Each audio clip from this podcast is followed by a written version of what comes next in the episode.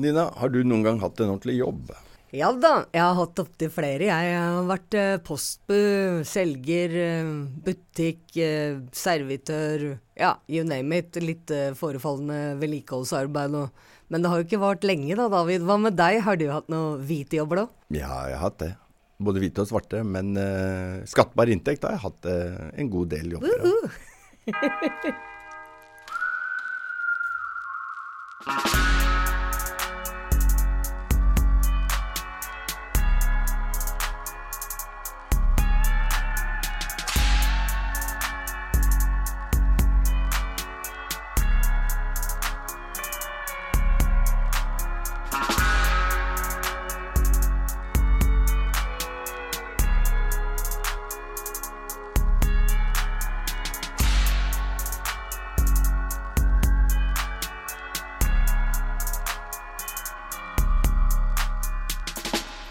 Du hører på Røverradioen, Og jeg er her for å ta dere gjennom dagens sending, og det er eh, og det er jeg jo. Ja, det er bra. Mange av de som sitter i fengsel, har jo ikke hatt ordentlig inntekt. Verken skattbar eller Ja, kanskje de har hatt skattbar inntekt. Men eh, aldri hatt en såkalt vanlig jobb. Nei, og for deg som uh, hører mye på Røverradioen, så husker du kanskje den sendinga jeg lagde for ca. et år sia, hvor jeg beskrev uh, noen av de vanskelighetene jeg hadde med å faktisk få meg noe sysselsetting etter, eh, etter soning. Så um, Problemet ligger jo i det at når du endelig blir løslatt og står utafor på gata med et par sorte søppelsekker i handa og ikke 50 øre i lomma, det er jo veien til å skaffe seg penger altfor kort. Raske penger er rask vei tilbake til fengsel mange ganger. Dessverre så er det sånn det er, David. I dagens episode så skal du høre fra to av røverne våre. De er ganske forskjellige, men begge har levd eh, et krimisliv. Og det rare er at begge to har tatt tømrerutdannelse i fengsel. Han ene av dem han sier han har en veldig god plan for hvordan han skal eh, klare å leve et liv. Et rikt liv. Uh, slettet på hvilken måte Ja, da, kan man det- man spørre seg. Nå Det er jeg veldig jo- spent på. Ja, det Ja. blir jeg også veldig spent. La oss rulle sendinga. Ja.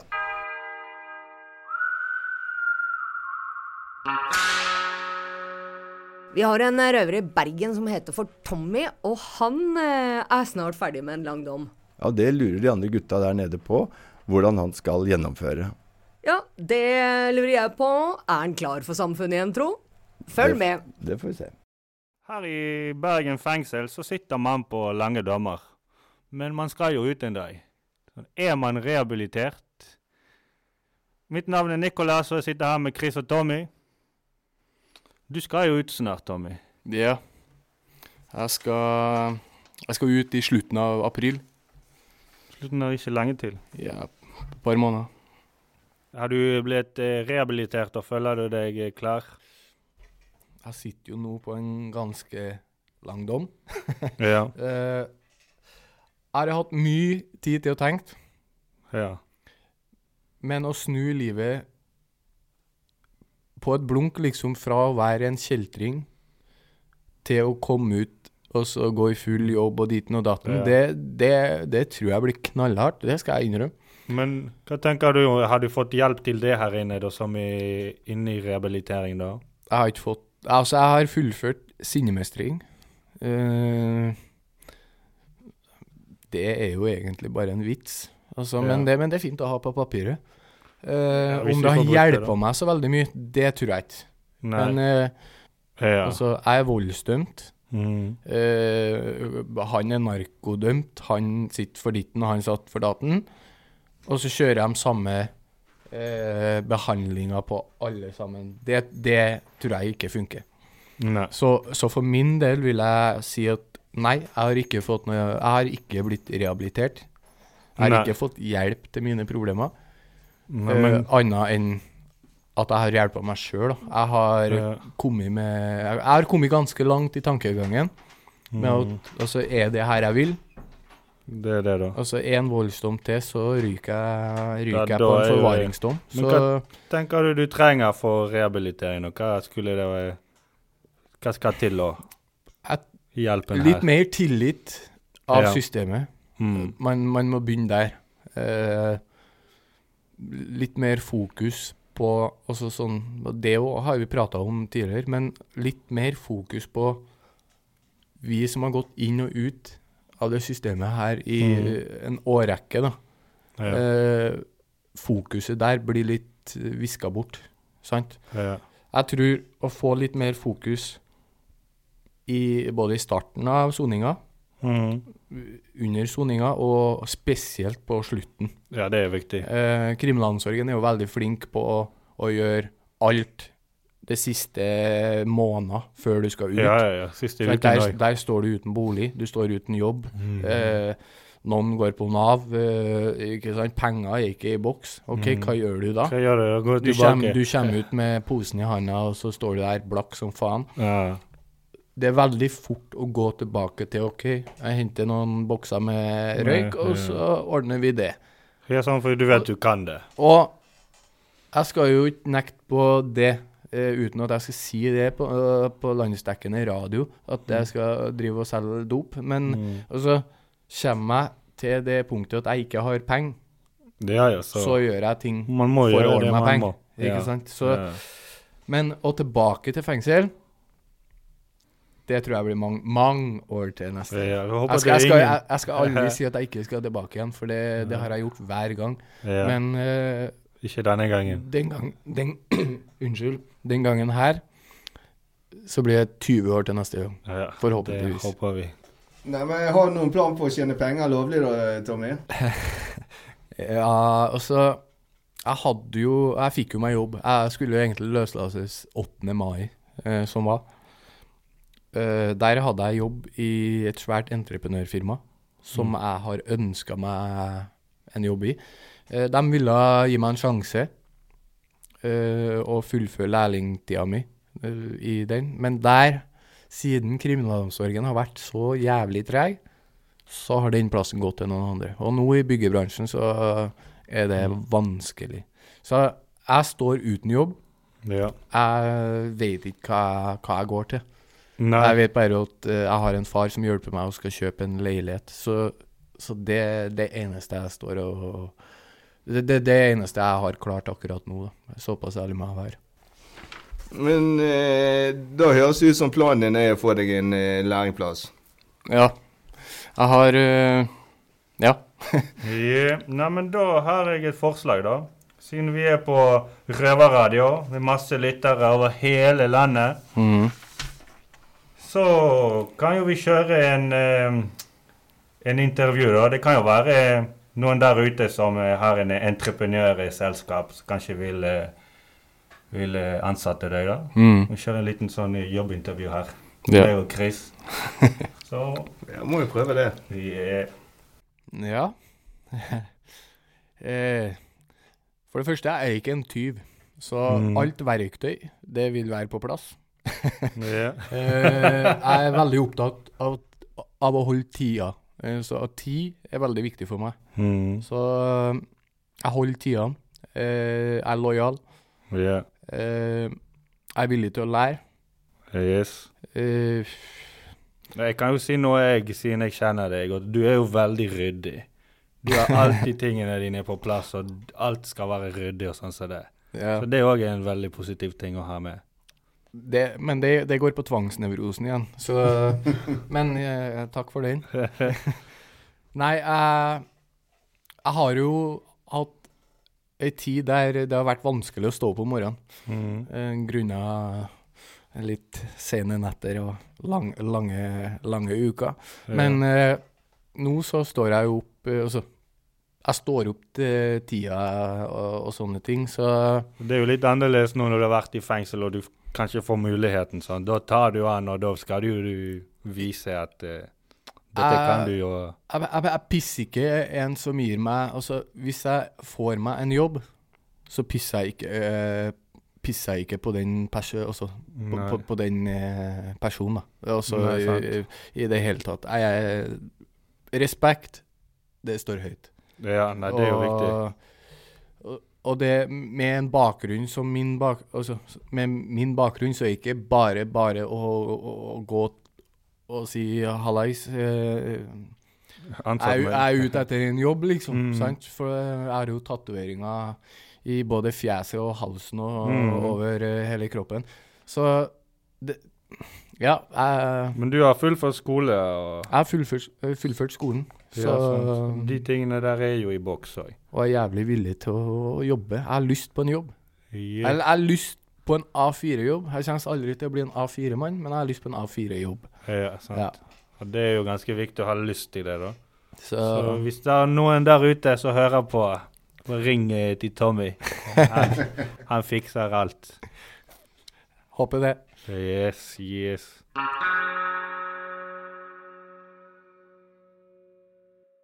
Ja, jeg håper det ordner seg for Tommy. At han finner en lærlingplass. Ja, det håper jeg også. Men som jeg har sagt eh, tidligere her på Røverradioen, så står jo ikke akkurat arbeidsgivere i kø eh, for å ansette oss når vi er ferdigsona. Jeg vet ikke, jeg. Så la oss ta en test på om det stemmer, da. Ja, og her kommer testeren i egen uh, høye person. Uh, velkommen, Maiken. Takk. Jeg, uh, I'm on a mission, kan du si. Ja, hva er det du skal spørre disse sjefene om, da? Du, jeg tenkte jeg skulle ta en tur eh, opp på storsenteret oppi her, og så spørre butikksjefene eh, rett og slett om de kunne tenke seg å ansette noen som har sittet i fengsel. Absolutt, det, det ville vi gjort. Ja.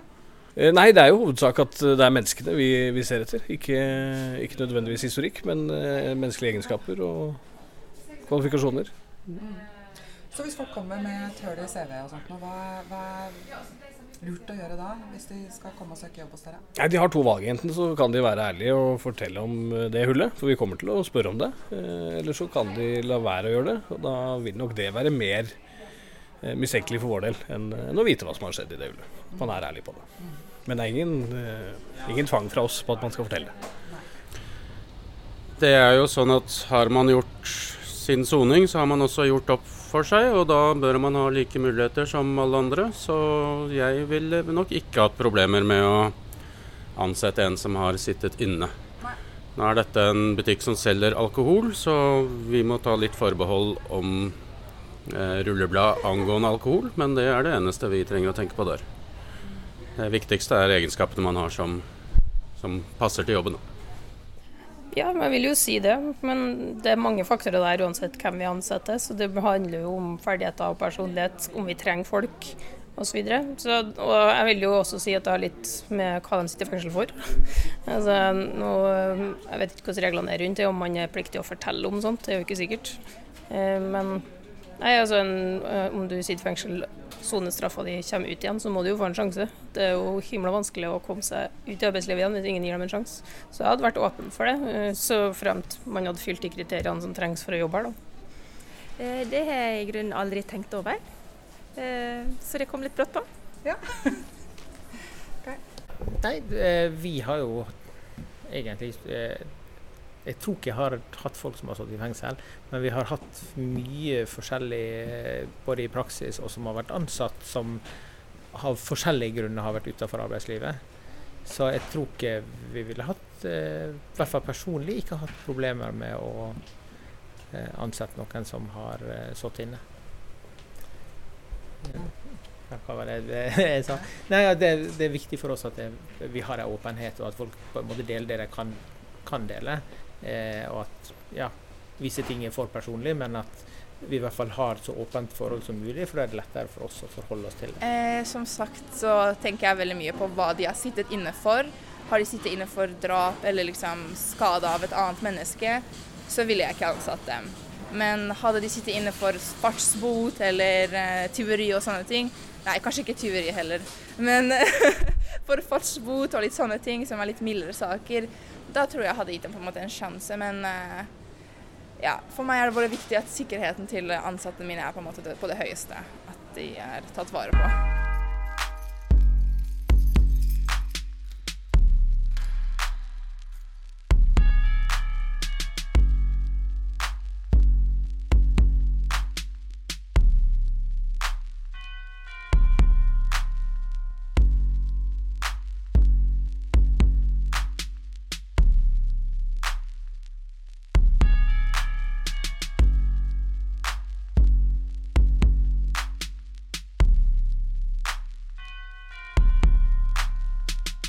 Har du noen gang hatt en mentor eller forbilde utenfor den kriminelle verden?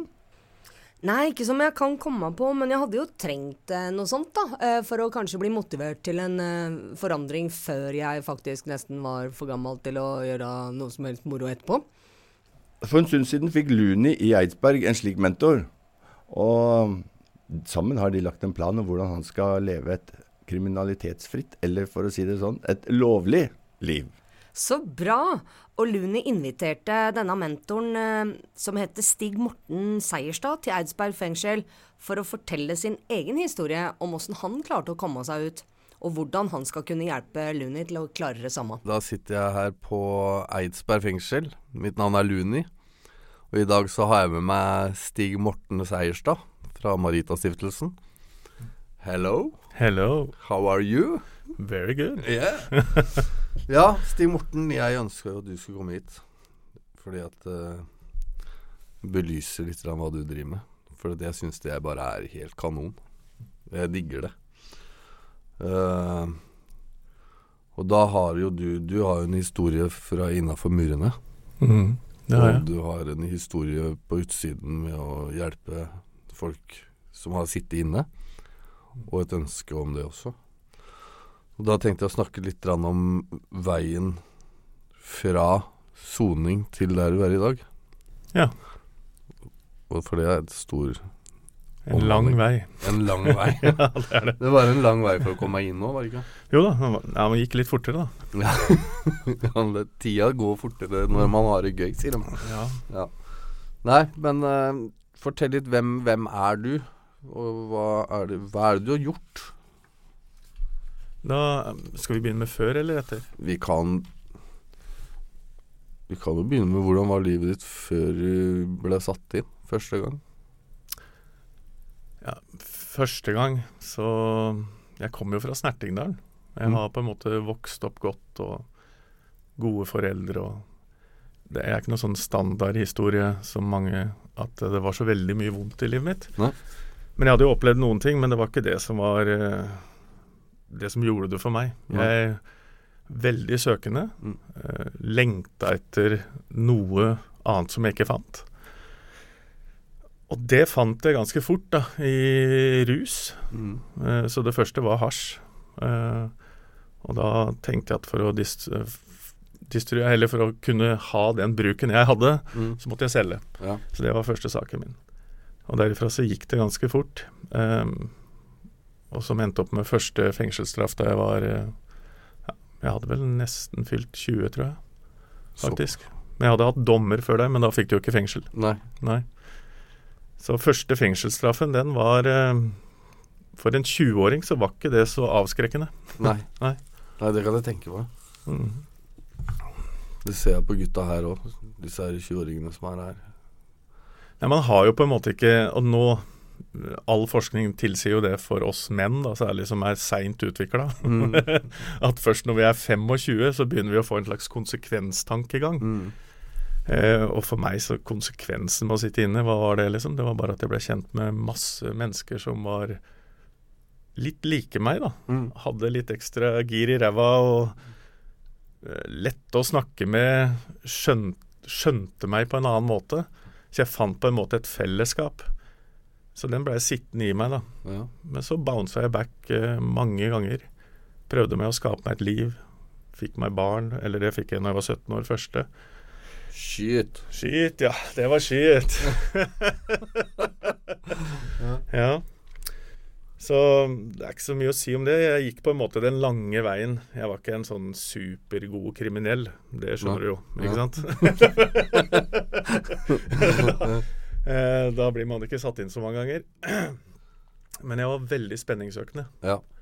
Eh, og jeg fikk utløp for mange sider av meg sjøl der som jeg eh, ikke fiksa i det såkalte A4 på den tiden. Ja. Så det endte til slutt ganske ille, da. Ja. Ja. Og så når du satt Du satt på Ullersmo, Mm. og da kom det en eh, en kar til fengselet Mm. som du ble kjent med. Ja. Ja, det er rørende å snakke om det enda. Det var eh, Trond Akerholt. Mm. Han var eh, fengselsleder for Marita-stiftelsen. Ja. Jeg har vel alltid trodd at det var noe mer mellom himmel og jord, jeg må først si det. Og så hadde jeg på den tiden tatt et ganske radikalt valg inni meg sjøl. At uh, nå må jeg snu 180 grader. Mm. Ellers så må jeg kjøre den linja her helt til det siste. Mm. Så jeg snudde, da. Uh, og da hadde jeg jo ikke igjen noe. Jeg hadde jo brent alle bruer. Ja, til familie, til det gamle livet. Alt. Uh, og jeg hadde confessed all my sins. Mm. Men det til politiet, da. Så det kosta meg noen ekstra år. Nei. jo, det gjorde det jo. Ja, men du, du, tenkte bare rense deg sjøl og si alt til politiet om deg sjøl at eh, det er det jeg har gjort? Jeg sier ikke at det er veien for alle. Nei. Men for meg eh, så var det sånn at uansett så sto døra så på gløtt. Ja. Eh, og jeg er litt sort-hvitt i tankegangen min. Ja. Så jeg bare kjente at hvis jeg skal gjøre dette her den gangen her, så må jeg gjøre det skikkelig, da. Ja.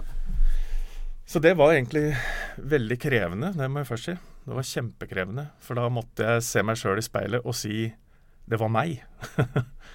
det var meg, det var meg, det var meg. Før så prøvde jeg jo liksom Ja, men det er ikke bare meg, ikke sant. Det, er jo litt omstendigheter her, og det er jo litt mye. Og det er det også. Men først og fremst så er det jo jeg som velger mitt liv. Ja. Ja. Så da hadde jeg jo tatt den beslutningen. Eh, og så pleide jeg på like å gå på Maritastiftelsen sine eh, fengselstjenester. Trond Akerholt han var særegen god, særegen god på å komme inn i fengselet, og så hadde han en gudstjeneste som på en måte ikke var akkurat helt natural gudstjeneste. Mm. Han snakka veldig mye om barna sine som var punkrockere, og Ja. viste bilder av kona si som var førstesida i bibelen hans. Og jeg, jeg ble jo helt forfjamsa første gangen jeg møtte kona hans. ikke sant? Jeg Ja. tenkte dette er Gud. Men jeg likte å sitte der, da. For uansett, når jeg satte meg ned og hørte på han, så kjente jeg at uh, det var greit å være meg. Ja. Og så var det han som tok kontakt med meg under en av de eh, gudstjenestene. Så går han rett bort til meg. Og det er jo mange Nå er det enda flere da, på Ullersmo. på den tida så var det ja, det kunne være 50-60 stykker på en sånn gudstjeneste. Så går han rett bort til meg og så sier han, eh, 'Ønsker du besøk av meg?' Mm. Tenkte jeg sikkert sånn alle kristne sier, eller noe sånt, tenkte jeg. Ja da, jøss, ja, det er koselig, det. Mm. Men det som eh, var stort, det var at dette var en søndag, mandag etterpå, så ble jeg kalt opp til prestens kontor. Og der sitter Trond. Ja. Og da ble jeg toucha av hjertet. Fordi da var jeg ikke et nummer. Han måtte ha huska navnet mitt Mm. for å kunne komme og besøke meg. Ja, eh, Så da starta en reise eh, hvor han besøkte meg hver eneste uke. Jeg hadde en dom på fem år og åtte måneder. Eh, og da hele den Altså, jeg slapp på to tredjedeler, men han besøkte meg hver eneste uke hele dommen min. Mm. Ja, Så det var starten. Det var starten. Wow. Ja, det var wow. Ja. Og så skjedde jo mye under de besøka, da. Det kan jeg si, for jeg, jeg hadde jo den gamle meg inni meg. Ja. Ja, for hvordan, hvordan gikk du fra fra gangster eh, Stig Morten til uh, kristen Stig Morten og, og, og gjøre det samme som Trond, da? Som jeg føler. Du er jo min Trond. Ikke sant? Takk, Luni. Det er en æres, eh, et æresbegrep for meg, da. Um, jeg knelte på en celle for meg sjøl, Ok. uten at noen visste det. Det var ikke noe gudstjeneste eller noe, det var første dagen i varetekt. Ja. Det kom en utro tjener inn eh, på cella mi. På, ikke inn, åpna luka på Oslo fengsel, og så sier han De har vært hos eksen din, det er pris på hodet ditt. Eh, bang, luka igjen. og der sitter jeg på brev og besøk, Mm. eh, og får ikke gjort noen ting. Så jeg hadde ikke de mest, la oss, la oss si, personlige nedknelingen. Jeg knelte ned, for jeg visste, jeg trodde veldig at det var noe over meg. Mm. Men jeg knelte ned og sa at du, jeg har aldri følt deg.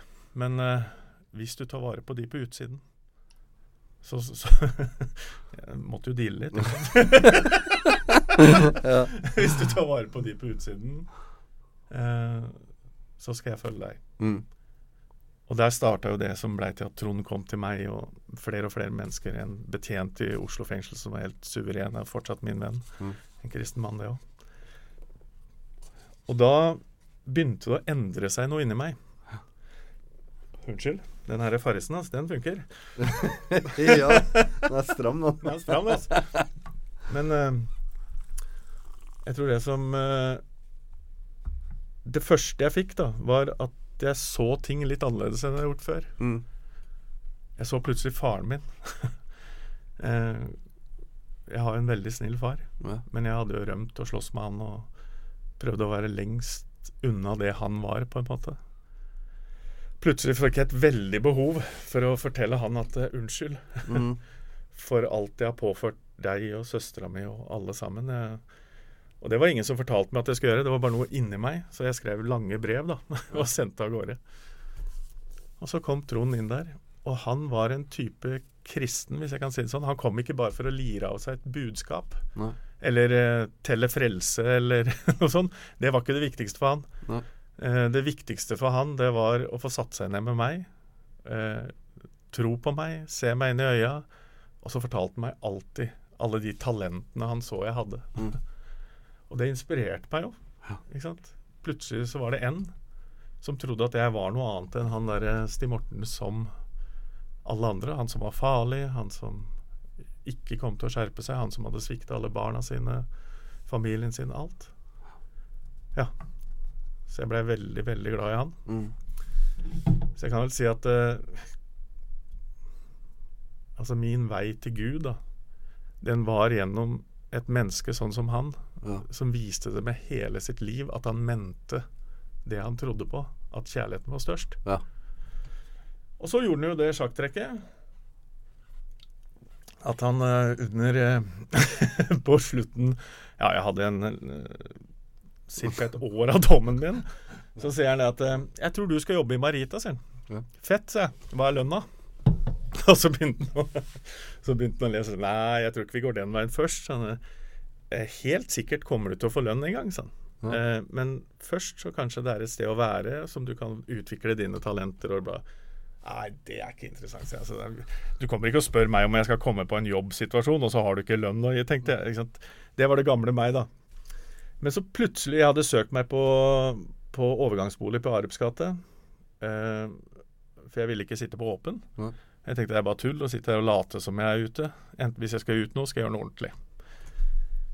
Eh, og jeg, De prøvde jo å få meg på åpen først, for det er veien å gå. Så jeg, det er ikke veien å gå for meg. Jeg skal på Arups gate når jeg skal dit. Og plutselig, da hadde jeg blitt overflytta til Gjøvik fengsel.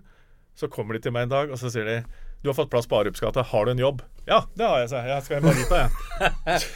så, så, så det var ikke mer, enn, mer ærlig enn det, da. Og da begynte jeg å være i Marita sammen med Trond Mm. eh, i seks måneder. Ok. Ja. Og det, det kjenner jeg toucher meg til dags dato når jeg snakker om det, for det Jeg fikk se folk da som mente det de gjorde, av hele sitt hjerte. Jeg fikk møte hele familien hans. Ja. Ja.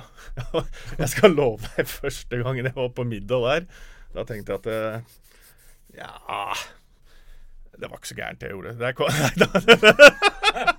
de kom inn Altså, jeg hadde ikke en tatovering på den tida. Altså, jeg var skikkelig eh, Prøvde å se ganske streit ut, egentlig. Ja. Men det er de som kom inn der, tenkte jeg Hvor i alle dager kommer de herfra? Og det var jo sønner og døtre og det som var. Og han ene han hadde vært og spilt rockekonsert midt på natta og i det hele tatt. Og så samles de rundt bordet. Og så var, var jeg totalt inkludert. Ja. Fra første stund. Og det er bare den, den opplevelsen, det var jo akkurat dette jeg hadde leita etter. Ja.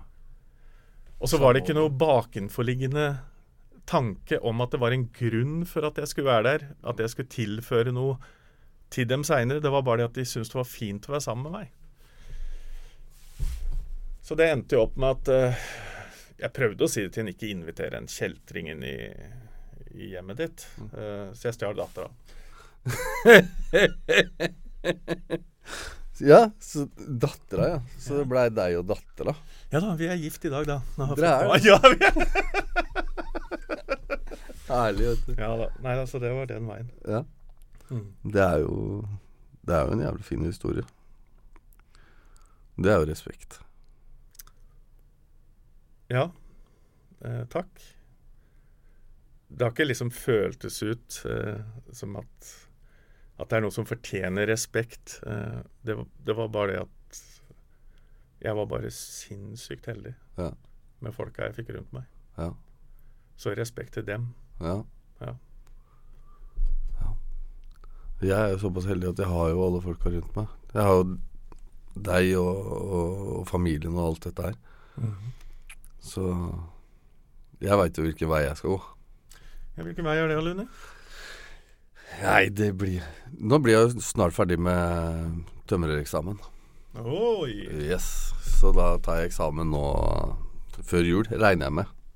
Regner med rett før jul. Så. Så blir det eksamen. Hvis ikke jeg venter til etter nyttår. For jeg driver og bygger et hus på utsida her. I, i, inni fengselet. Oi. Ja, Det er ikke så svært, da. Men det er et hus.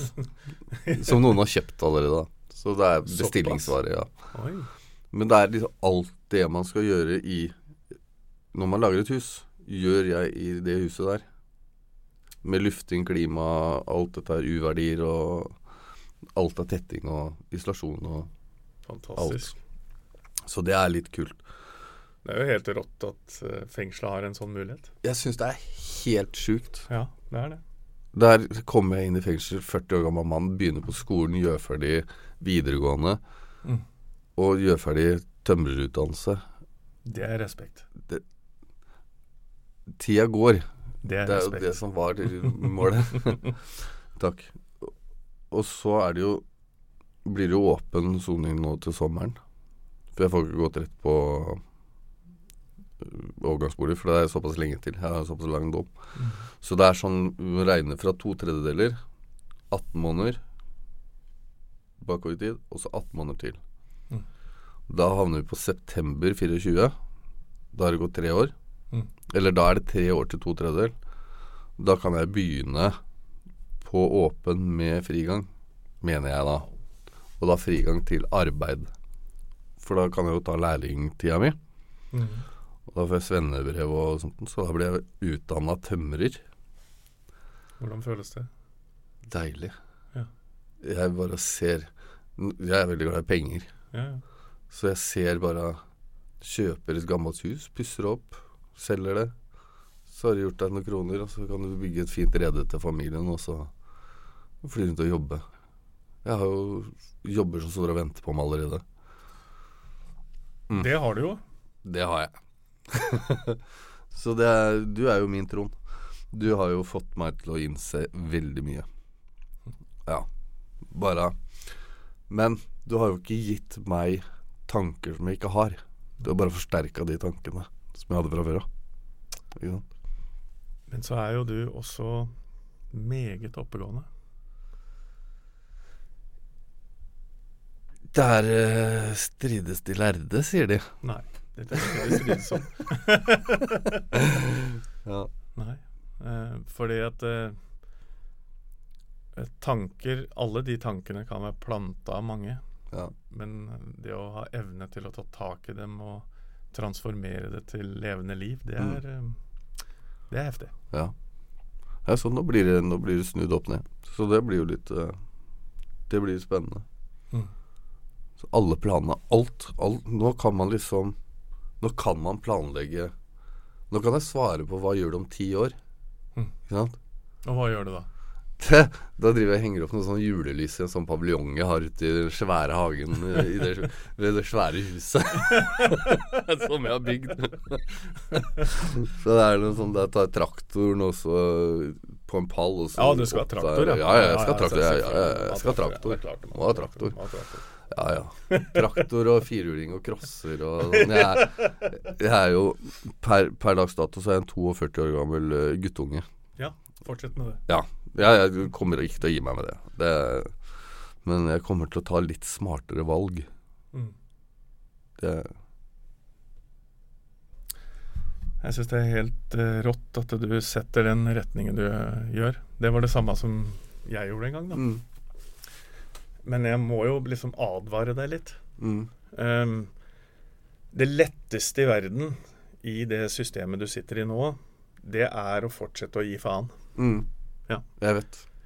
Da løser ting seg nesten sånn automatisk. Nei, men det, det, det, det er helt sant. Det er helt sant. Altså, når jeg sona før og ikke hadde tenkt å endre på livet mitt, Mm. så datt tinga bare på plass. Og jeg møtte jo på en måte ikke de hindringene fordi at eh, Ja, for å forklare en ting, da. F.eks. gjelda mi brydde jeg meg jo ikke noe om. Nei. Ikke sant? Men så plutselig skal jeg gjøre det riktig. Mm. Og så skal jeg jobbe mot å kunne ha en vanlig lønn. Mm. Så tenkte jeg ok, jeg hadde jo 1,4 millioner i statsgjeld. Ja. Ja, Så tenkte jeg ok, jeg har gjort en snuoperasjon i livet mitt. Og jeg sto ganske sterkt på det og var ganske profilert på det på den tida, så kanskje jeg får sånn gjeldssanering. Mm. Det fikk jeg ikke. Nei. Nei. det, var- det, det var meget støtende med en av mitt kaliber at jeg skulle få det. Og så tenkte jeg ja, men jeg har jo sett folk som på en måte fikk det, og de hadde ingen tanke Nei. om å endre livet sitt. Og var på trygd. Ikke sant? Ja. Så grunnen til at jeg sier dette her, uh, Luni, det er vel kanskje fordi at når du begynner den veien, særlig når man er en sterk personlighet som det du er, da er det akkurat som motstanden, den, den, den kommer på litt, altså. Mm. Ja. Ja. Nå er jeg jo såpass heldig at jeg har ikke noe annet enn boliggjeld. ja, den klarer du.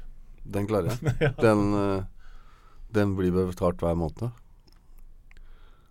Uh, har ikke gjeld på bilen. Føler du at uh, Jeg bare spør. Ja. Føler du at kriminalomsorgen stiller seg bak deg? Enkeltpersoner. Ja. Men ikke kriminalomsorgen i seg sjøl. De bare oppbevarer meg. Så er det noen mennesker da, i kriminalomsorgen som har en evne til å bry seg. Det er det. Nå banner jeg vel i kirka i og med at det er røverradioen, men, men det er jo egentlig det det handler om i hele livet. Ja. Det er jo enkeltpersoner og enkeltrelasjoner. Ja. Det er det det handler om. Finne en vei å, å gå. Mm. Det er liksom å legge en planke over myra og så tråkke på den smale stien over der, og så er du heldig. Så kommer de alle andre ved siden av deg så plumper og holder på. Det er å finne den der ene personen som leder deg over. Har, du en, har du en sånn her inne? Uh, Jeg har deg. Mm. Ja. Oi. Det var Fist bump. Ja. Ja. ja, jeg skal i hvert fall eh, Jeg har så tro på deg, da. Ja. Og det første jeg kan tilby det er jo jobb. Ja. Med lønn. Med lønn? Å, fy faen. ja. Og så har jeg reagert på én ting. Det er at du, du snakker jo aldri om Gud.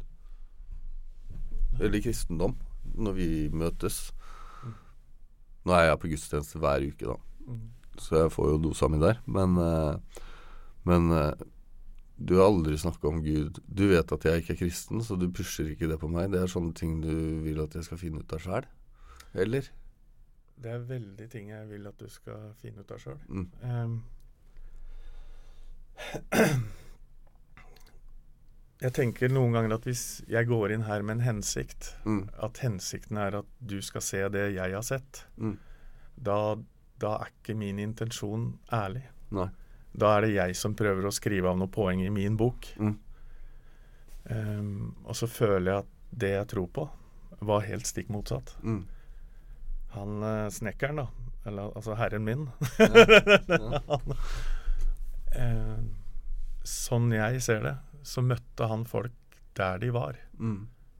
Og så ga han dem en mulighet til å få helbreda livet sitt der de var. Mm. Som gjorde at de spurte Hva er dette her? Ikke sant? Mm. Så Ja. Jeg er på en måte litt motstander av også å komme inn og så telle frelser, da. Ja. Misjonering. Mis Nei, mis jeg er ikke motstander av misjonering, absolutt ikke. Men det er i hvert fall ikke sånn Trond gjorde med meg. Nei. Nei, ikke sant? Trond han, eh, han var veldig interessert i meg. Mm. Og jo mer interessert han var i meg, og mer godhet han pøste utover meg, jo mer så jeg i den retningen Mm. sjøl. Ja. Og det var mitt valg. Og jeg tror ikke du eh, det, er, det er mange som kan få en opplevelse veldig kort. Mm. Men det er den langvarige relasjonen og, og kjærligheten som omvender, tror jeg, da. Mm. Ja. Så jeg kan gjerne snakke om Gud hvis du vil. Jeg kan gjerne snakke om, om det jeg opplevde. Mm. Og det jeg opplevde, var et annet, noe annet enn et religiøst system, da. Ja. Jeg, jeg opplevde en Gud som elska meg totalt tvers igjennom akkurat der jeg var på mitt verste, Mm. og fortsatt gjør det. Ja. Fordi selv om jeg har fått et nytt liv og gjør mye bra, så er jeg Stig Morten Seierstad fortsatt. Ja.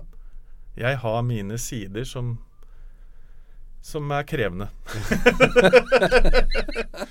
Spør kona. Ja, ja. Nei, det Ja.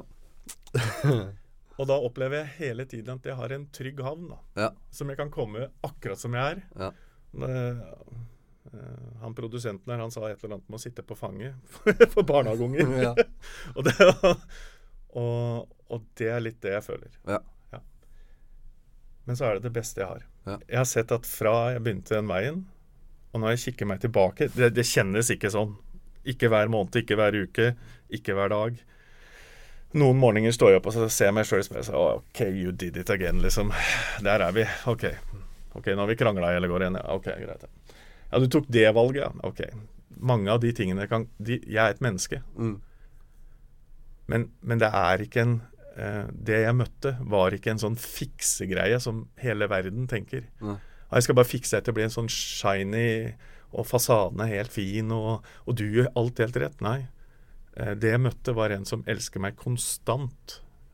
Og det blir så overveldende til slutt at jeg tør å elske meg sjøl. Mm.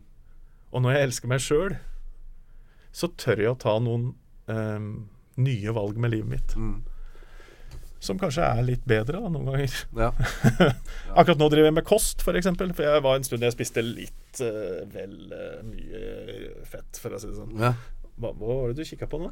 Nå kikka jeg på, på magen din. Ja, takk. Ja. Takk for det. Takk. Altså, det, det du tenkte var Jeg kan ikke se det enda, men Nei, jeg Når starta du kostgreiene? I går.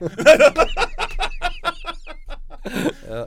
Nei da. Men, eh, men det Hvis noen kommer og forteller meg at jeg skal gjøre noe, Ja. så funker det veldig dårlig. Ja. Men hvis jeg får en slags indre overbevisning sjøl, Mm. at dette her er kanskje bedre for meg, i stedet for å få hjerteinfarkt når jeg er 55, Mm. da får jeg lyst til å gjøre det. Ja. ikke sant? Så tilbake med det med tro, da. Nei, jeg kommer ikke hit for å liksom prakke på noen nå. Jeg, jeg, jeg, når jeg er hos deg, Luni, så er det én en eneste grunn. At fra første gangen jeg møtte deg ute, Mm. Så ble jeg glad i deg. Mm. Jeg likte den bamseklemmen noe veldig. ikke sant? Og så så jeg deg inn i øya, og så likte jeg deg akkurat der du var da. Ja. Og så liker jeg deg akkurat der du er nå. Ja.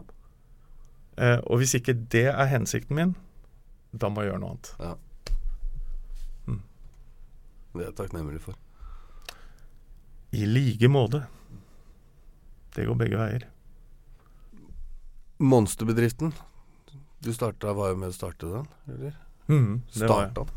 Uh, ja, jeg var med og starta den sosiale biten i det. Ja. Monsterbedriften hadde levd som et rivefirma før jeg kom inn i 2010. Ja. Uh, jeg, jeg vil først si det, da, at det, fra 2010 jeg kom ut, Ja. så har jeg fått være med på helt sinnssyke ting. Eh, det som var mine bakdeler før, har tydeligvis blitt mine styrker. Ja. altså det at jeg er impulsiv, at jeg er ikke så veldig redd for å begynne med noe nytt. ikke sant? Men, eh, men det jeg så For jeg begynte å jobbe i fengselet ja, tre måneder etter løslatelse. i Såpass? Gjøvik, Ja.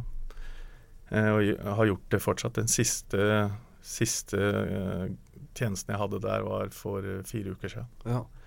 Så det, det har vært en veldig fin reise. Men det jeg så Talk is cheap, ikke sant? Ja. Eh, og jeg kan jo tilby deg veldig mye god prat, Luni. Mm.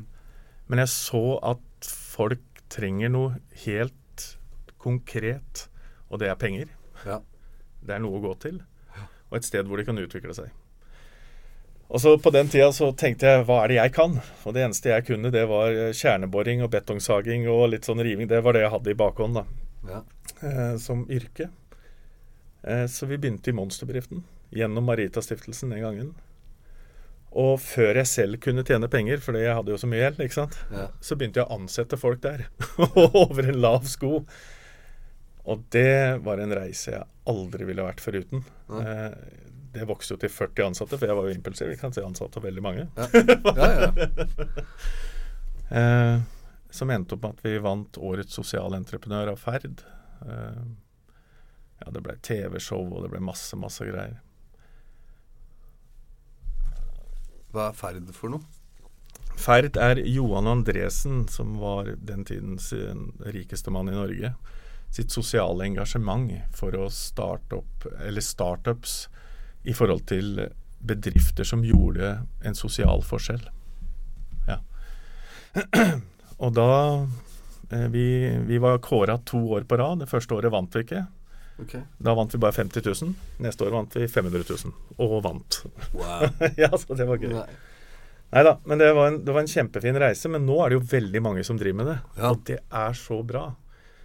Eh, og det er bra at vi begynner å tenke, nå begynner skolesystemet og alt å endre seg, at man kan bli ansatt Du er flink, ikke sant? Du tar tømreren, du får svennebrev. Mm. Eh, du kan jobbe hvor du vil Ja. med det.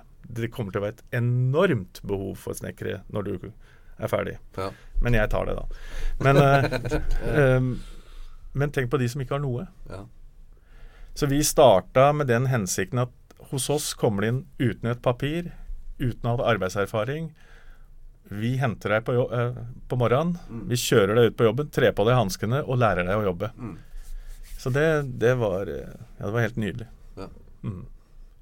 Og etter det så starta jeg Marita Drift. Ja. Eh, Det gikk også opp til 30 ansatte, og vi hadde tre morsomme år. Ja. Ja. Men hva er det som skjer? Hva, hvorfor stopper det? Eh, monsterbedriften, tenker du? Ja, og Marita Drift? Marita Drift stoppa fordi at jeg ikke ønska å drive med det mer i Marita. Ja. Eh, og det var ingen som ville ta over den fakkelen akkurat da. Eh, og jeg var rede for å gå inn i familiebedriften. Ja. Ja. ja. Ikke sant? Så det var det som stoppa det. Monsterbedriften blei en lei skilsmisse, skal jeg være helt ærlig. Ja.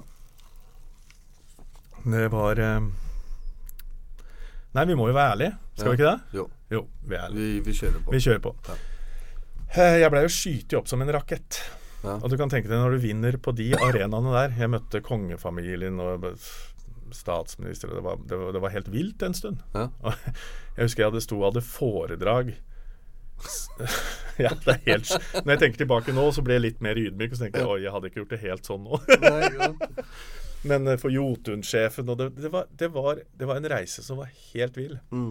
Det var bare det at jeg var jo ikke Jeg hadde jo aldri stoppa opp for å fikse mine ting Nei. inni meg.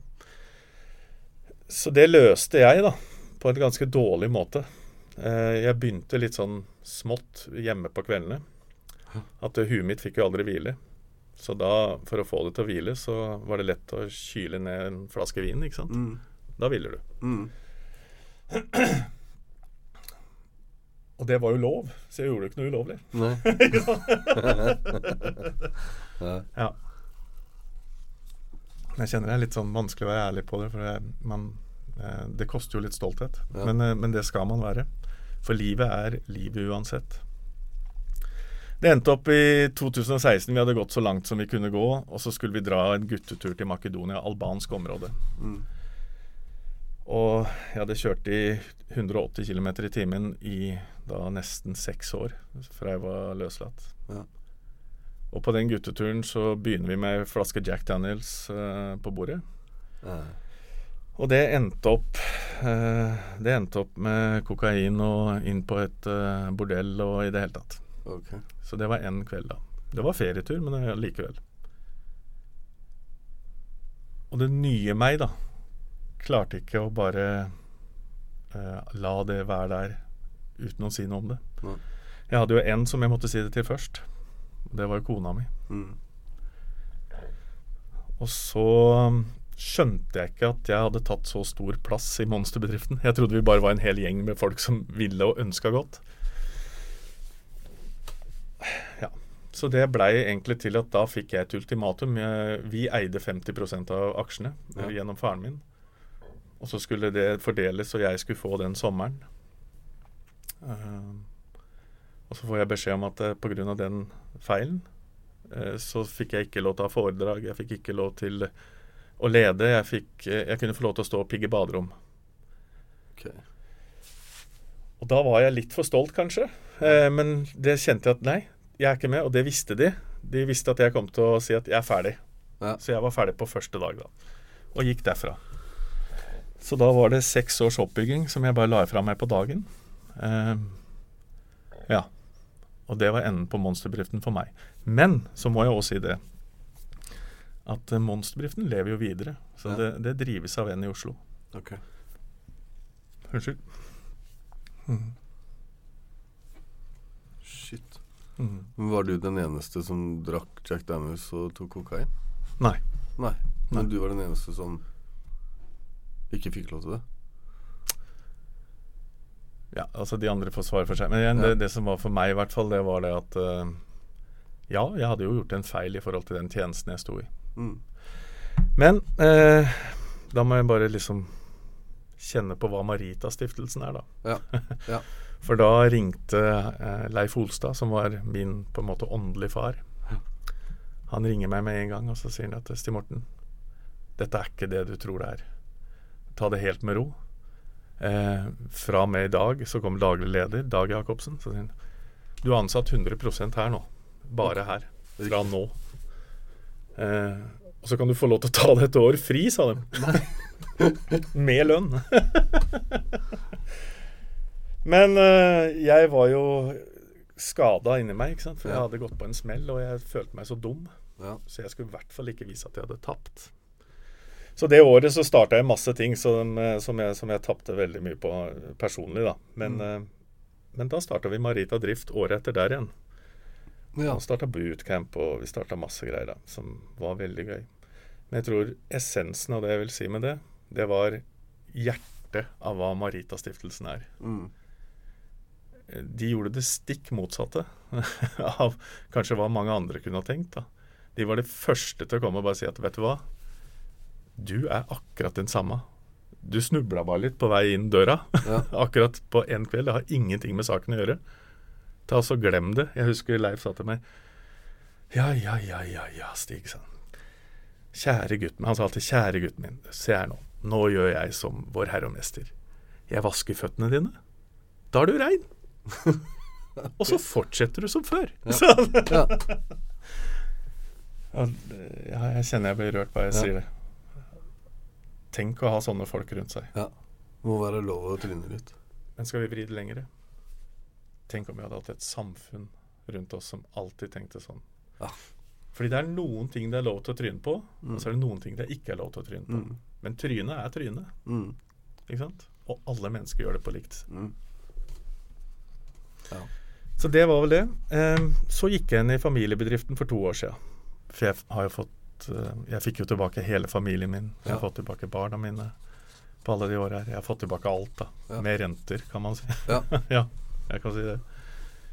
Og det var planlagt at eh, på et tidspunkt skulle jeg det uansett, men jeg gjorde det to år før jeg skulle. Ja. For jeg kjente at ok, nå har jeg jeg, jeg må gjøre noe for bare for min nærmeste familie. Altså kone og barn og eh, Sosialt arbeid betalte ikke alle de regningene jeg hadde, alltid. Ikke sant? Så det Ja. Så det var vel reisen. Så nå driver vi seierbygg. Nå driver Seierbygg. Er det, er det snekkerfirma, eller? Eh, Blant annet, altså vi kan sette opp eh, Vi er, eh, er i ansvarsklasse 1, så vi kan sette opp i til treetasjers bygg. Ja. Men inntil nå så har vi drevet med demontering, eller Ja. det folk kalte riving før. Ja. Og rehabilitering. Rehabilitering liker jeg, vet du. Ikke sant? Ja. Ja, det trenger vi, vet du. Det er, for det, det, det er jo jeg god på, jeg som er fagmann. Ja. Det, er, det, er, det er veldig greit. Ja. Da kan jeg komme inn der som fagmann å jobbe med rehabilitering på riktig, riktig måte. Så kan jeg hjelpe gutta da, vet du. Og tenk til det, Luni. Da er det ingen som kan ta ifra deg det du bygger. Nei. Nei. Tenk på det. Mm. Så skal jeg stå der og si «Øh, Du må sette av den sånn, for ifølge tek 17, og sånn, så må vi gjøre det på den måten, og så må du teipe der, og så må du gjøre sånn, og så er det det, det, det. For oss er det jo veldig vanskelig å få folk til å komme på besøk på Røverradioen for godkjenning og, og sånne ting. For det det er, så, det er så strengt. Mm. Og hvordan klarer du da etter tre måneder etter en soning å komme inn i fengsel igjen og jobbe mot Eller jeg, jeg kaller det mot systemet, for dette, selv, om, selv om det egentlig skal hete med systemet, så, så blir det på en måte mot, da, føler jeg. Ja, så jeg, jeg skal banne litt i kirka di igjen, da. Ja. Um, jeg hadde min første samtale med ungdom uh, hos politiet uh, to måneder før jeg ble løslatt. Oi. Ja. Det er helt vilt. Jeg veit ikke, Det var noen tilfeldigheter som gjorde det. At vi hadde møtt hun som var forebyggende eh, politi på Ja. Wayback. Eh, og så hadde det ført til at jeg tok henne med på et foredrag. Jeg hadde foredrag mens jeg satt inne. Mm. Eh, og det var bare masse ting som skjedde. Og det førte til at eh, den jeg snakka med hos politiet, han endra livet sitt. Ja. Ja, så det var jo Det var jo en veldig bra start, da. Ja. Og da sa den tidens politisjef på Gjøvik Han sa jøss. Så Seierstad hadde en sånn innvirkning. Da må vi jo bruke han til å snakke med ungdom! hadde han sagt. Ja. ja. Eh, så der begynte jeg. Og fengselet i Gjøvik hadde jeg jo sittet i Ja. eh, de siste seks månedene før frigang. Og de var ganske overbevist, tror jeg, på at jeg var ekte i min vei. Så når jeg ringte sjefen i fengselet der, og så sier jeg det at du, det er Stig Morten, jeg har lyst til å ha bibeltime. Hør her, jeg veit det ikke er mulig, sa jeg. Men la oss ta det, da. Dere kan få strippe meg inn og strippe meg ut. Bare sett på god musikk, sa jeg. Ja. Sett meg i luftegården, sett alle kameraer på meg. Ja. Og hvis det er bra, så kan jeg få lov til å fortsette. Mm. Og han som var førstebetjent da, han eh, Jeg hørte han smilte sånn. Jeg ringer deg opp igjen, sa han. Mm. Da tenkte Ja, det, det kommer ikke til å skje. Han ringte meg ti minutter etterpå. Bare kom du, Stig Morten. Sånn. Nei. Yeah. Jeg har ikke møtt stengte dører, jeg. Jeg skal være helt ærlig på det. Jeg har ikke møtt stengte dører. ehm, men jeg har vært veldig bevisst på at jeg jobber ikke imot. Nei. Jeg jobber med. Ja. Folk er folk. Ja. Det er gode folk alle steder, og så er det dårlige folk alle steder. Eller då, det er ikke dårlige folk, men de har i hvert fall noen dårlige valg. Dårlige valg, ja. Ja. Mm. Eh, om du jobber i et fengselsvesen, eller hos politiet, eller eh, i en MC-klubb, eller om det er der eller der, det er akkurat det samme. Ja. Folk er folk. Og den innstillinga har jeg vedvart å tro på. Og så har jeg tenkt og trodd for hver gang jeg ringer, Mm. at uh, de vil nok ha meg på besøk, tenker jeg. Ja. Det er ikke sånn der storhetsfølelse. jeg begynner ikke Ja, nå burde dere noe. Jeg begynner først å si liksom litt om det bra som Ja. jeg veit om dem. Um, og da tror jeg at hvis vi skal være med å endre ting, som du skal være med veldig mye på, Luni, Ja. så er det nettopp den karismatiske holdningen din at alt går an, Mm. og at du tror på de folka du ser rundt deg, Ja. og at du tar vare på det gode, og det andre legger vi ikke så mye vekt på. Mm. Og det har jeg møtt i alle de systemene her. Tusen takk for at du kom til eh, Røverradioen i Eidsberg fengsel. Jeg setter så pris på at jeg kunne komme. Takk. Det var veldig hyggelig. Vi ses snart. Det gjør vi. Fred ut.